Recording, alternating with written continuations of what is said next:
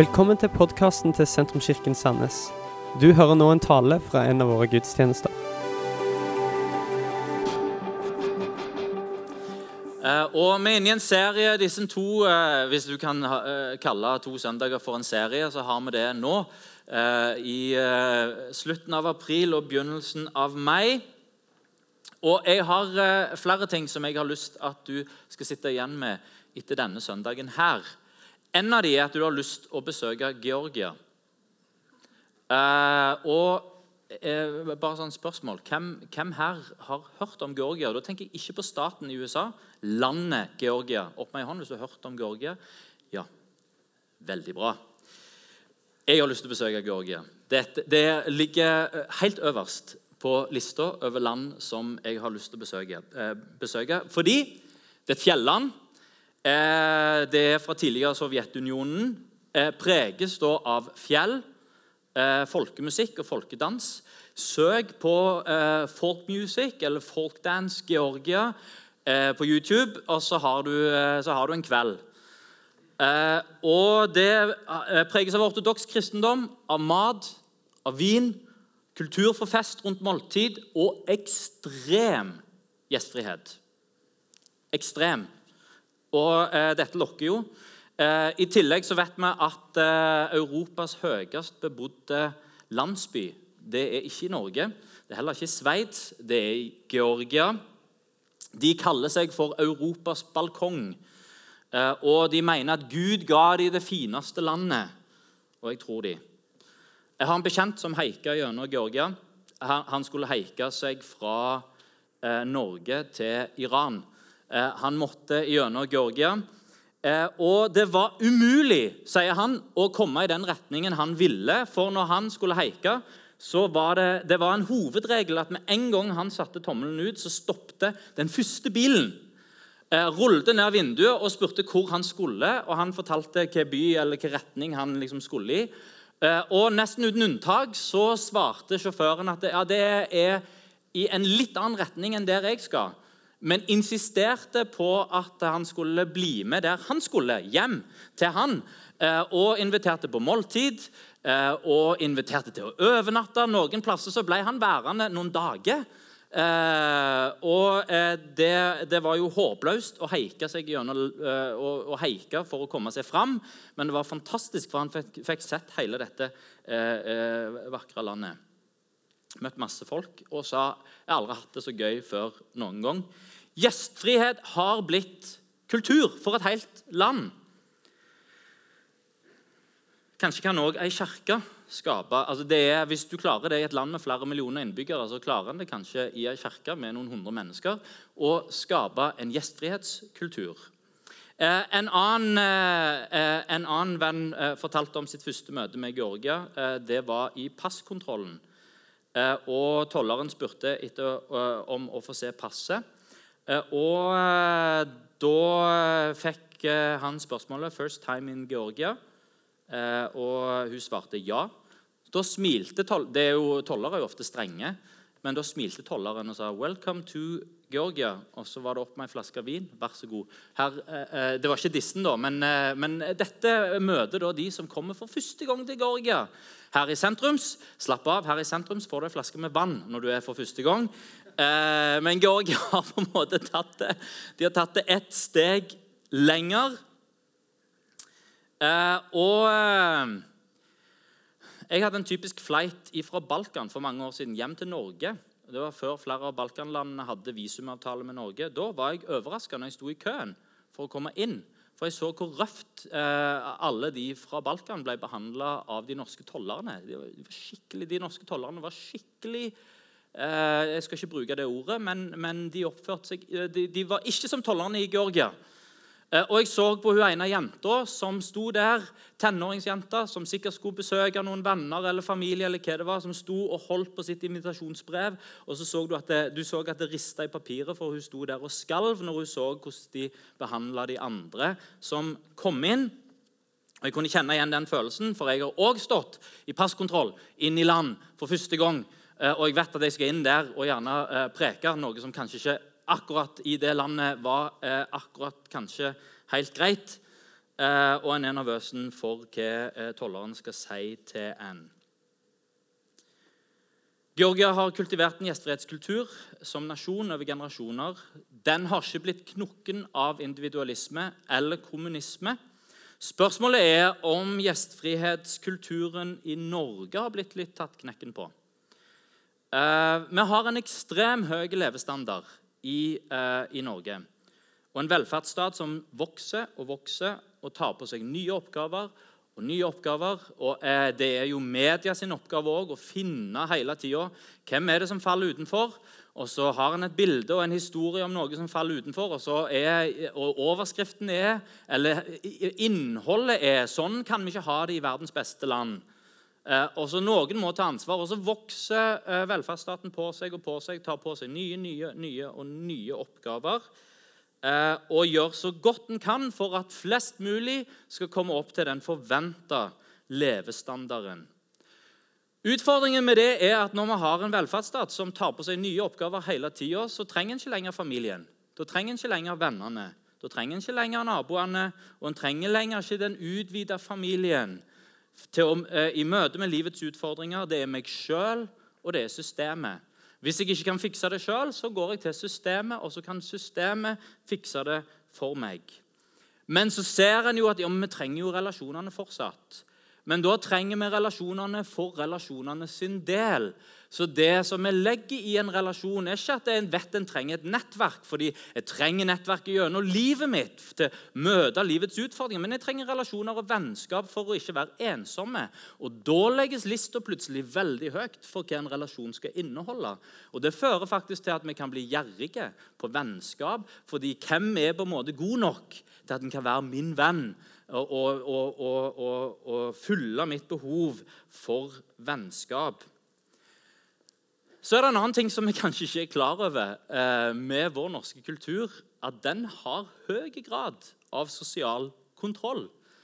Eh, Vidar Skei og Michelle Gefald oppsummerer en internasjonal forskningsrapport, eh, en ganske stor internasjonal forskningsrapport om sosial kontroll, eh, og sier dette noen kulturer gir stort spillerom for hvordan en kan opptre, mens andre har strenge sosiale normer som begrenser spillerommet.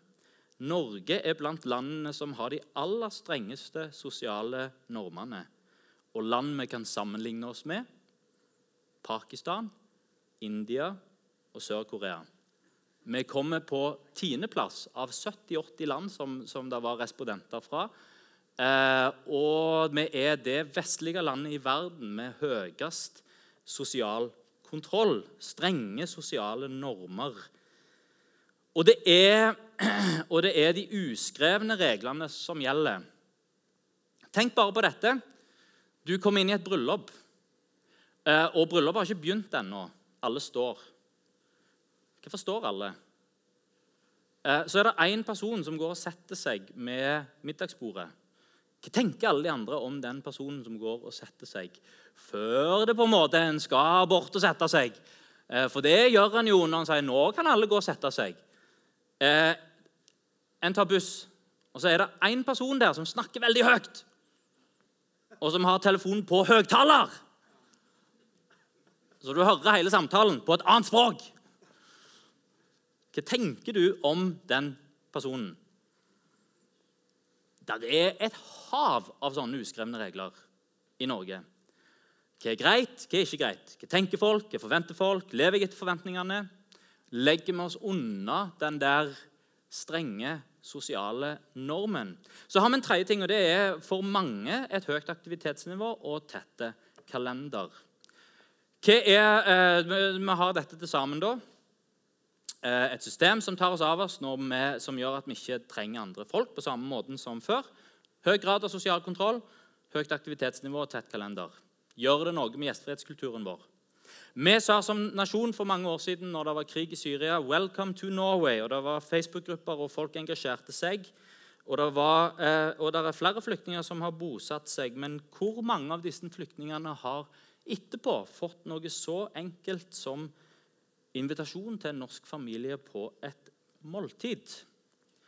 Eh, Kirka vår og Kirka skal minne mer om Georgia og mindre om Norge. Og jeg håper i dag at det er greit at jeg sparker litt i oss alle sammen.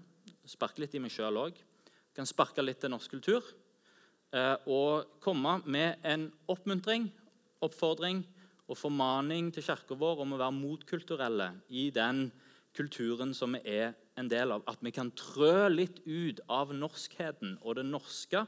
Trø litt ut av de sosiale normene og de sosiale rammene som er satt. Eh, eh, og Når vi snakker om dette, så eh, har jeg lyst til å spørre om en annen ting òg. Kan vi trø ut av det norske? Kan vi gjøre noe annet òg, vær så snill? Ikke tenk på de andre, men tenk på meg sjøl. For det er så fort gjort i alt som vi hører. Så, det, så foregår det i hodet liksom, Ja, det skulle den ha hørt. Ja, de skulle ha hørt det.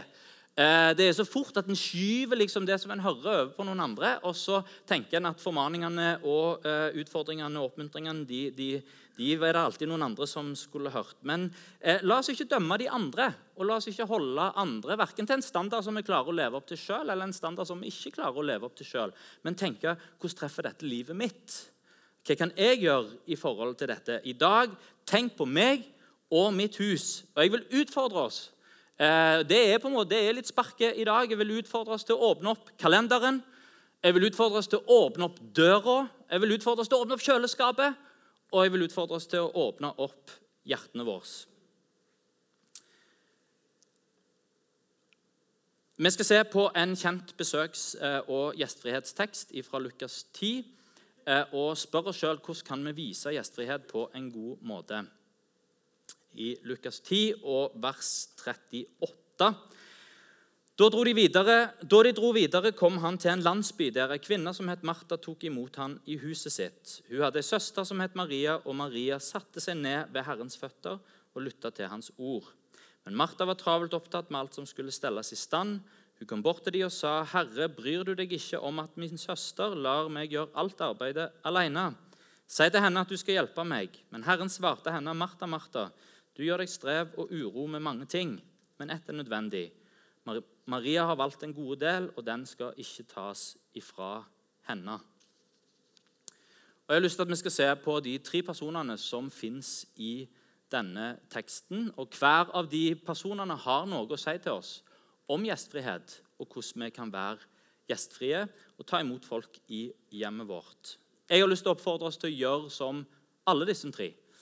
Eh, og vil begynne med Martha. For eh, Martha er den personen i denne historien som oftest blir på en måte rakka litt ned på. Fordi hun får beskjed om at du gjør deg strev, og eh, du strever med, med, med mange ting som ikke var nødvendig. Og så er det Maria som har gjort den gode tingen. Men jeg har lyst til å rette oppmerksomheten på det som Martha gjør, som er virkelig bra. For det var en kvinne som het Martha, som tok imot han i huset sitt. Det var Martha som var gjestfri.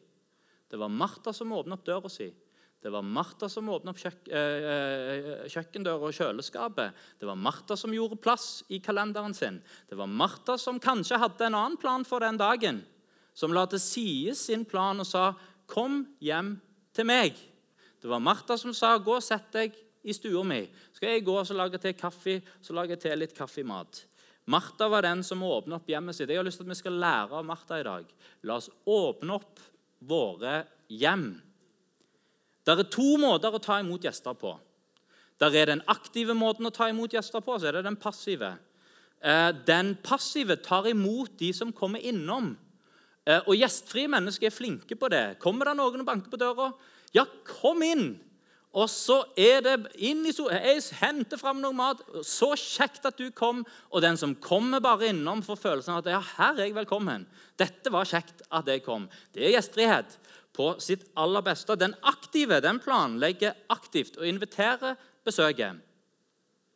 Eh, når vi i denne serien og denne aksjonen vil lære av Martha, eh, så tror jeg vi skal tenke på den aktive delen. For den passive type gjestfrihet den fins nesten ikke igjen i norsk kultur. Ikke engang på bygda er det så mye igjen av denne type gjestfrihet. Ikke at folk ikke er gjestfrie, og at en ikke tar imot de som kommer innom, men det er ingen som kommer innom lenger. Til og med Hvis en skal innom, så sender en først en tekstmelding sånn to timer før en eh, planlegger å bare droppe innom. Jeg dropper innom, sånn at en får liksom litt tid til å planlegge. Eh, og så er det i liksom dette, i de rammene for, eh, for med sosial kontroll så er dette en av de uskrevne reglene som har dukket opp i vårt samfunn. Det er at Du kommer ikke bare innom uten å gi beskjed først. Eh, så det å være gjestfri passivt og bare vente på at noen skal komme innom, eh, det, eh, det, kommer ikke til å lede til veldig mye besøk, for folk kommer så, som en hovedregel eh, ikke veldig ofte innom. Skal en ha besøk, så må en rydde i sin kalender. Trenger du å lære av Martha? Svaret på dette spørsmålet får du når jeg spør. Når var siste gang du eller dere hadde gjester på mat hjemme hos deg? Er det aldri? Er det sjelden? Var det i påsken sist uke? Var det i mars, i vinter, i 2018? Til deg som kanskje aldri har invitert noen hjem. Jeg håper at denne søndagen kanskje kan være en liten stimuli til å våge å invitere noen. Til deg som inviterer sjelden. Kanskje denne søndagen er en liten stimuli til å gjøre det å, invitere til en vane, legge det inn i en fast dag, legge det inn i kalenderen. Noen inviterer ikke akkurat nå pga. livssituasjonen. Kanskje denne søndagen en stimuli til å lage en plan på når det ikke er så travelt lenger, eller utnytter livssituasjonen på en annen måte. La oss ikke droppe spørsmålet med unnskyldninger. Den som er singel, tenker ja, men når jeg blir gift. Den som ikke har unge, jo, men når vi får unger. Eh, eller den, de som har blitt eldre, hadde vi bare vært litt yngre. Eh, for det er alltid noe som jeg kan komme opp med en unnskyldning at det passer ikke akkurat nå. Jeg har lyst til å utfordre oss Det gjør som Martha. Åpne opp kalenderen åpne opp døra og åpne opp kjøleskapet. Gjestfrihet eh, er òg en gave. Jeg tror det er folk som har gjestfrihet som gave i livet sitt. Noen tenker også, og kan, Du kan lese Bibelen på den måten at gjestfrihet kan være en nådegave, en, en, en gudgitte utrustning. Eh, og Jeg kan tenke på flere folk i, i kirka vår som jeg er ganske trygg på har den gaven i livet sitt. Eh, spørsmålet som vi kan stille oss, er liker en å ha folk hjemme hos seg. Eh, liker folk seg hjemme? er det sånn at folk slapper av når de er hjemme hos deg? Får du folk til å trives? Trives du med å arrangere fester og sammenkomster? Altså, hvis en kan svare ja på disse spørsmålene, her, så er det ikke usannsynlig at dette er en gave eh, som ligger der. Vet du at du har den gaven, gjør maks ut av den. Eh, det betyr ikke at det, Og sånn er det aldri med gaver. at den, Det er de som har gaven, det er de som skal gjøre det. Har du en ledergave, så er det de som har ledergave, som skal lede. Har du en givergave, så er det de som, eh, som har en givergave, som skal gi. Har du en evangelistgave, så er det de som skal, som, som skal gi troen videre, osv. osv. Nei, den som har en gave, skal inspirere også de andre til å gjøre det samme, eh, og kanskje også sette et eksempel. Men jeg tror det er òg folk som har en gjestfrihetsgave i kirka som kanskje ennå ikke har hatt så mye besøk hjemme. Kanskje det å ta noen initiativ på dette kan være med å være en oppdagelsesreise til å se at oi, men dette her, dette har jo Gud kalt meg til å gjøre. Jesus har et ord til den verten som inviterer. Han sier dette.: Når du skal ha gjester til middag eller kveldsmåltid, skal du ikke be venner eller søsken eller slektninger eller rike naboer, for de kommer til å be deg igjen, og dermed får du gjengjeld. Nei, når du skal holde selskap, så innby fattige og uføre, lamme og blinde. Da er du lykkelig. For de kan ikke gi deg noe igjen, men du skal få lønn for dette når de rettferdige står opp fra de døde. Ikke inviter bare gode venner og familie. Ikke bare inviter de som har noe å gi til deg. Men tenk hvem kan jeg gi noe til? Kanskje er det en eneforsørger som vil sette pris på et måltid. Kanskje er det en sliten småbarnsfamilie som hadde satt stor pris på å bli invitert. Kanskje er det noen som er ny i kirka, kanskje er det noen i en annen generasjon. Når en inviterer, tenker på at ja, vi kan utvide sirkelen vår. Jeg elsker hvordan mine foreldre inviterer til måltid. Eh, de, det er sjelden at invitasjonen kommer sånn veldig lang tid i forveien. Den, den, den, eh, Den, eh, kommer kanskje samme dag eller dagen før. Eh, og Den går ut til familie, eh, og hvem har muligheten til å komme. Eh, og Når en kommer der, så vet en aldri hvem som er til stede. Det kan være plutselig noen kolleger eh, som er der. Det kan være folk fra kirka. Det, det, er all slags folk, alle aldre. Eh, og det er ikke alltid at de som, eh, som da sitter eh, rundt bordet, nødvendigvis har masse ting felles. Det er alltid spennende, eh, fordi en gjør akkurat dette. En tenker på Hvem kan vi invitere denne gangen? Så er det ikke bare de samme som har vært der før. Gjør som Martha. Åpne opp kalenderen, åpne opp døra og åpne opp kjøleskapet. Eh, så kan vi se på hva Maria gjorde for noe. For Maria ga oppmerksomhet til gjesten. Det å tjene Gud versus det å være med Gud. Altså Denne fortellingen her blir brukt i kirka til å eh, bruke, bruker vi om det å tjene i kirka. Hva er viktigst? Er det å lytte til hva Gud har å si til oss, eller er det å gjøre noe for Gud? Eh, og Her er det jo særdeles eh, tydelig at det er ikke det å springe rundt og gjøre en masse ting for Gud. Det er ikke min tjeneste for Gud, min tjeneste for Jesus. Det er ikke det som er det viktigste. Det viktigste er at jeg setter meg ned og er sammen med han og lytter til hva han har å si til meg. Relasjonen den er viktigere enn det jeg kan gjøre. Eh, og Det lærer vi av denne fortellingen. her. Ok, Martha springer rundt og skal gjøre masse ting. Jesus sier det, det viktige her det er at en har oppmerksomhet til relasjonen.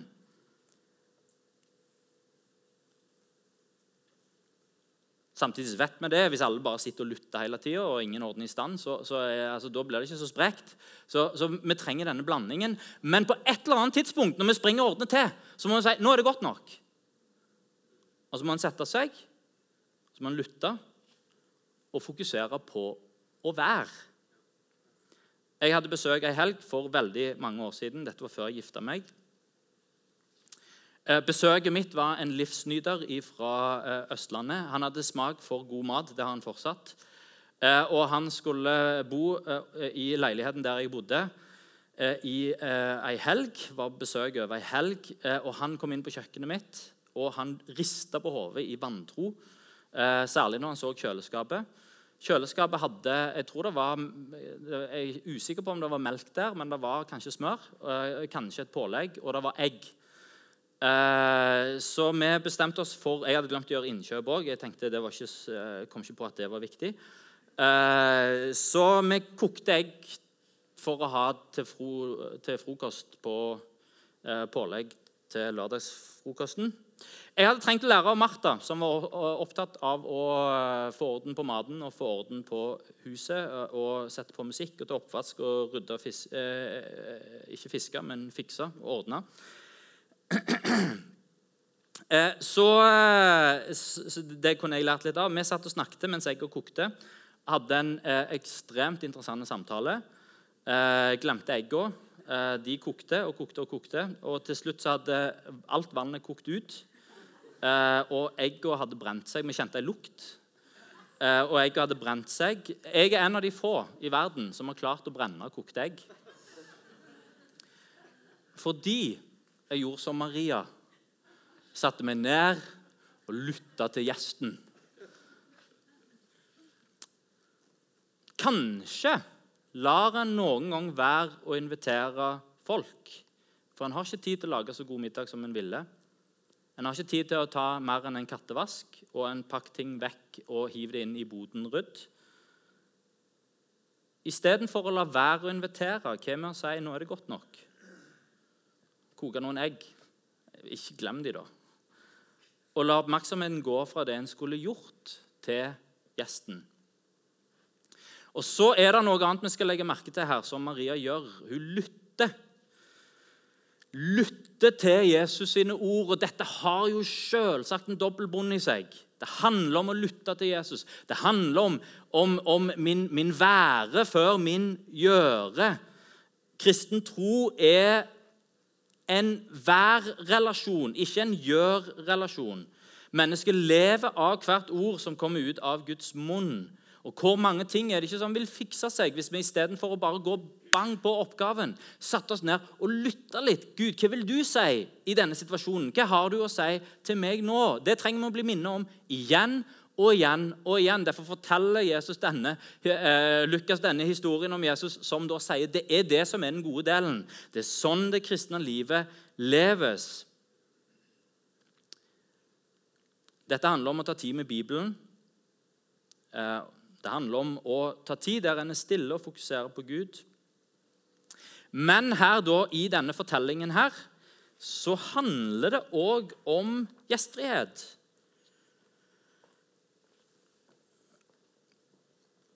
For Jesus er gjest, og verten lytter til gjesten.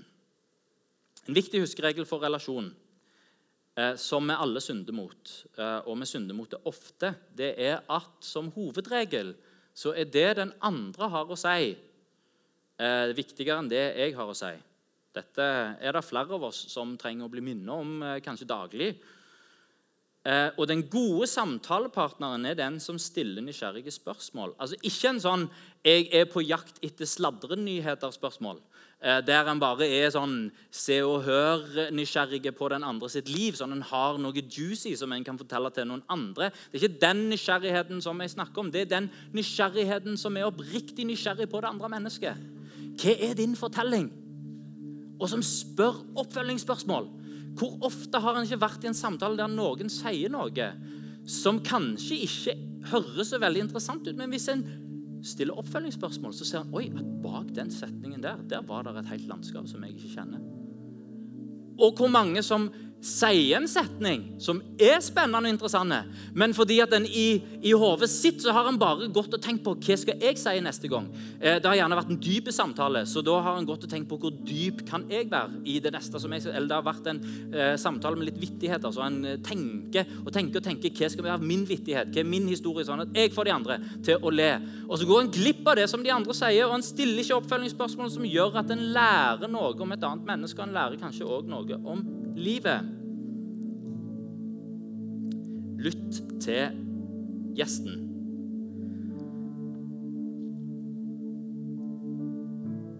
Poenget er å vise interesse for andre, sette andre høyere. Maria valgte den gode delen. Hun åpna hjertet sitt, så lytta hun. Et besøk vil alltid gi noe til hjemmet. Maria satte seg ned og lytta, hun satt igjen med noe etterpå. Jesus sine ord ble sittende igjen. De fikk lov å prege det hjemmet i etterkant. Å fylle et hjem med gjester gjør noe med atmosfæren i et hjem.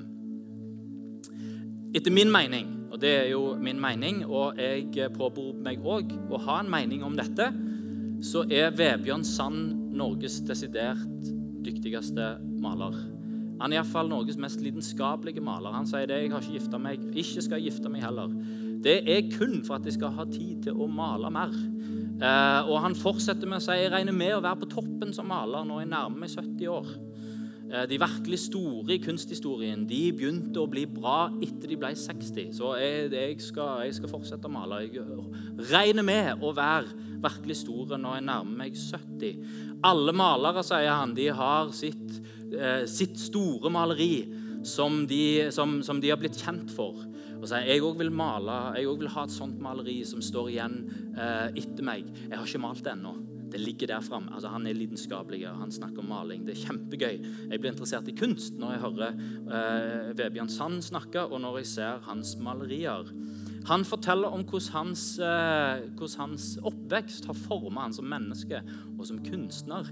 Og Så siterer han sine foreldre og sier noe som jeg aldri har tenkt på, men som gir jeg synes gir mening, og som gir refleksjon til min egen oppvekst. Foreldrene sa at alle de gjestene som vi har hatt rundt bordet hjemme hos oss, det er til sammen vår barneoppdragelse. Det er jo ganske sant. At det besøket som kommer inn i familien, de samtalene som finnes rundt måltidet, interaksjonen mellom vert og gjest, det setter seg i et barnesinn. Husker iallfall jeg gjorde alltid det når eh, vi hadde gjester når jeg var yngre. Satt og lytta til hva de voksne snakket om, og prøvde å komme inn i samtalen. Og det preger en, og det former en. Alle gjestene som kom og gikk, ikke annet negativ var selve barneoppdragelsen. Åpne opp kalenderen, åpne opp døra, åpne opp kjøleskapet. Ordne til, si nå er det godt nok. Nå er det tid for å åpne hjertet. Jeg gi oppmerksomhet til gjesten og lytte. Og så er det Jesus vi ser i denne teksten, og han setter mennesket over tjenesten. Setter samtalen og relasjonen over rammene og tilretteleggingen. Det er ikke det du gjør, som er det viktigste. Det er ikke det å møte alle forventningene som er det viktigste. Det er ikke det at alt skal være tipp topp. Det er ikke det å ha det flotteste hjemmet og den fineste maten som er det viktigste. Ikke den fantastiske middagen, ikke det ryddige hjemmet. Kan vi trø ut av vår kultur? Trø ut av de sosiale normene som trykkes så fort ned over oss, og som hindbinder oss, og som hindrer vår utfoldelse. Som gjør oss handlingslamma i møte med andre mennesker, og som lar være å invitere for hva tenker de, hva tenker jeg, hva forventer bla, bla, bla. Så, nei, det er enklest å bare la være. Jesus sitt perspektiv han setter relasjonen høyere enn våre forventninger til omgivelsene. I Makedonia, går, eh, som i kona er fra, der går alle på kafé. Eh, der er kafeer på absolutt hvert gatehjørne. Altså, hadde Prekestolen vært i Makedonia, så kan du være sikker på det. At på toppen av Prekestolen så hadde det vært iallfall fem kafeer. Eh, folk går på kafé. Eh, men det er flere som har vært på kafé i Makedonia, som, eh, som, som, som er kanskje fra Norge, som kommenterer at kaffen var ikke så god. Eh, og i Norge så går vi òg på kafé. Men mange i Norge går på kafé for å drikke kaffe. Å, det var god kaffe. Å, de har den beste kaffen der. Eh, ikke så god kaffe der, så vi, vi, går der, for der kan de kaffe.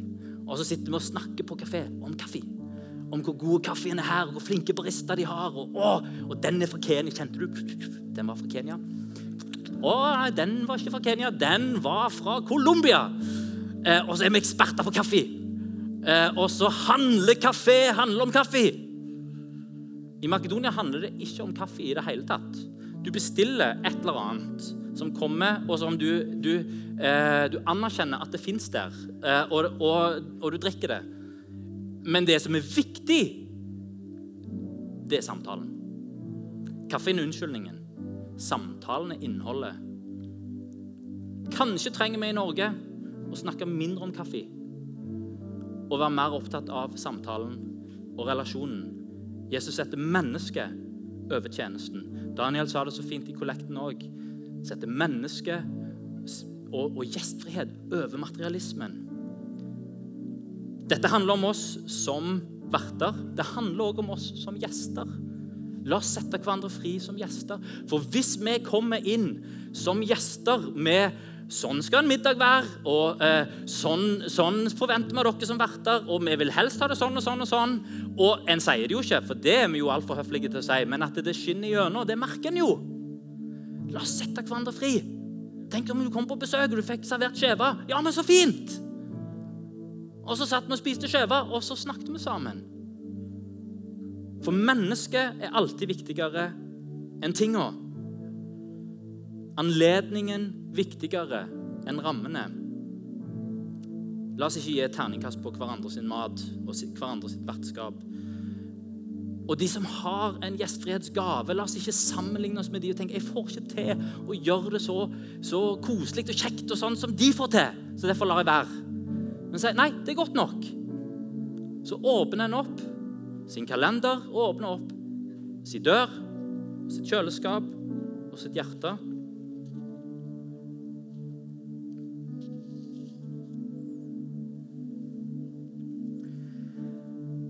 La oss trø ut av våre sosiale kodekser.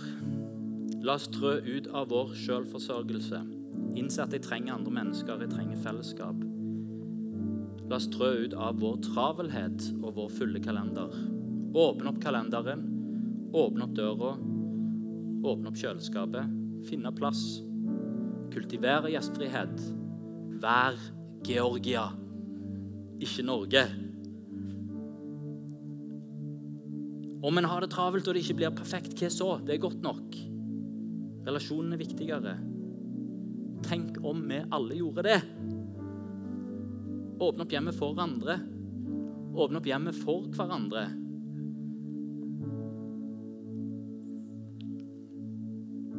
Jeg har lyst til å utfordre deg til å respondere på dette budskapet med å gjøre noe konkret. Inviter noen.